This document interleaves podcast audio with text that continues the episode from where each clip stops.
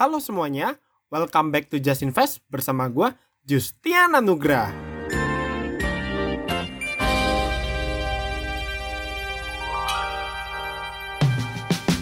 Maaf ya semuanya, udah tiga minggu kagak ngupload. Mikirnya sih gara-gara mau nunggu momen yang tepat buat upload nih pembahasan. Dan menurut gue ini waktu yang tepat sekali. Kenapa begitu? Yap, jadi sesuai judul dari episode kali ini, kita bakal coba bahas yang namanya free float. Nah, pertanyaannya, free float yang aku maksud itu apa coba? Jewer kalau ada yang jawabnya mengambang gratis. uh, jadi free float yang aku maksud di sini adalah total saham scriptless yang dimiliki oleh investor dengan kepemilikan kurang dari 5% dan tidak termasuk saham yang dimiliki oleh manajemen dan saham treasury. Hehe. Bete nggak? Bete nggak? Oke, coba gue ulang. Free float itu adalah total saham scriptless. By the udah tau lah ya maksudnya saham scriptless itu apa. Yang dimiliki oleh investor, yaitu kita-kita gini nih, yang kepemilikannya kurang dari 5%, jadi kalau ada investor yang punya kepemilikan di suatu perusahaan di atas 5%, berarti saham yang dipegang udah bukan saham free float lagi. Dan tidak dimiliki oleh manajemen dan saham treasury. Manajemen itu berarti pengurus perusahaannya, sedangkan saham treasury adalah saham perusahaan yang dibeli kembali oleh peredaran untuk sementara waktu. Jadi saham yang disimpan doang. By the way Jus kok mendadak bahas free float sih? Oh tentu dong. Soalnya bentar lagi perhitungan indeks kita secara keseluruhan bakal berubah. Hah berubah gimana? Berubah dari eh berubah. Berubah dari apa ke apa? Hmm, jadi gini. Untuk saat ini indeks kita secara keseluruhan tuh pakai dua sistem. Atau metode perhitungan maksudnya. Ada full market capitalization weighted average dan satu lagi cap adjusted free float market capitalization weighted average pertama full market capitalization weighted average sesuai namanya full market cap Berarti perhitungan bobot indeksnya tuh ngeliatin semua saham yang dimiliki emiten. Baik itu yang beredar di publik ataupun tidak.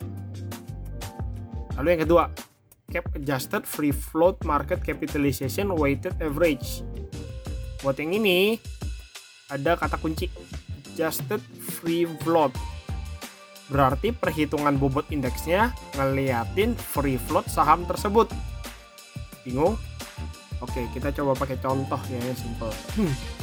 Misal ada satu indeks. Di dalamnya ada tiga saham.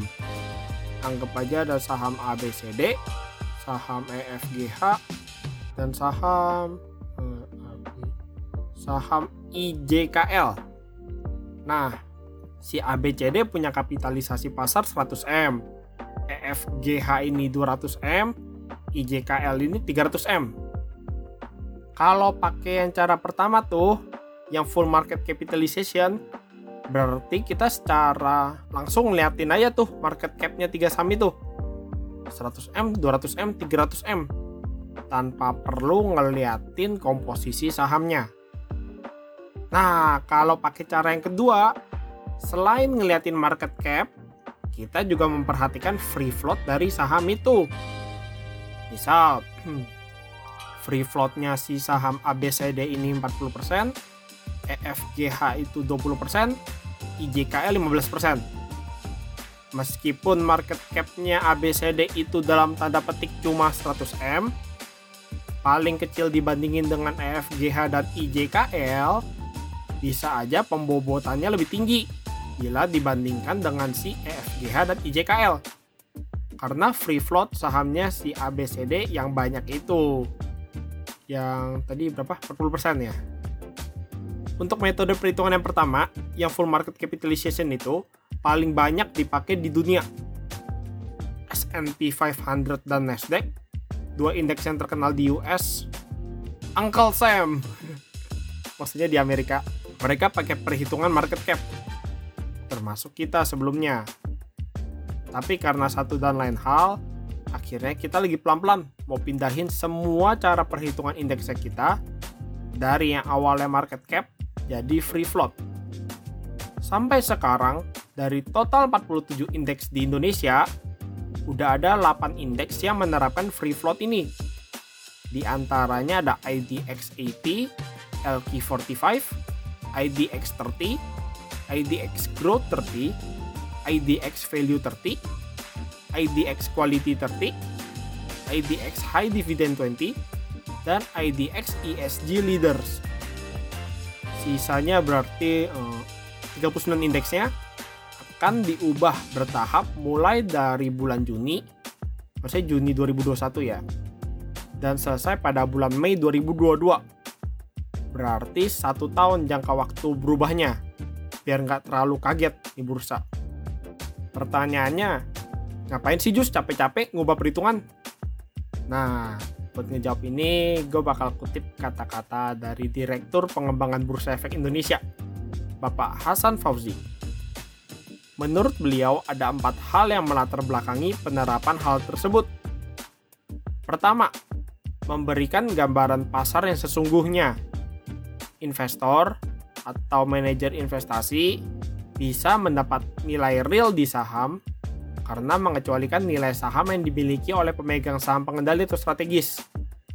Maka dibilang nilai real yang memang bisa diperjualbelikan. Yang kedua, dari sisi manajer investasi akan meningkatkan efisiensi portfolio dengan berkurangnya bobot saham-saham dengan free float rendah. Yang ketiga, mendorong perusahaan tercatat saham untuk menambah porsi saham free floatnya mereka. Selain itu, yang gak kalah penting nih, hal ini juga untuk mengembangkan bursa kita, bursa efek Indonesia ini, agar lebih seragam dan sejalan dengan indeks-indeks di dunia.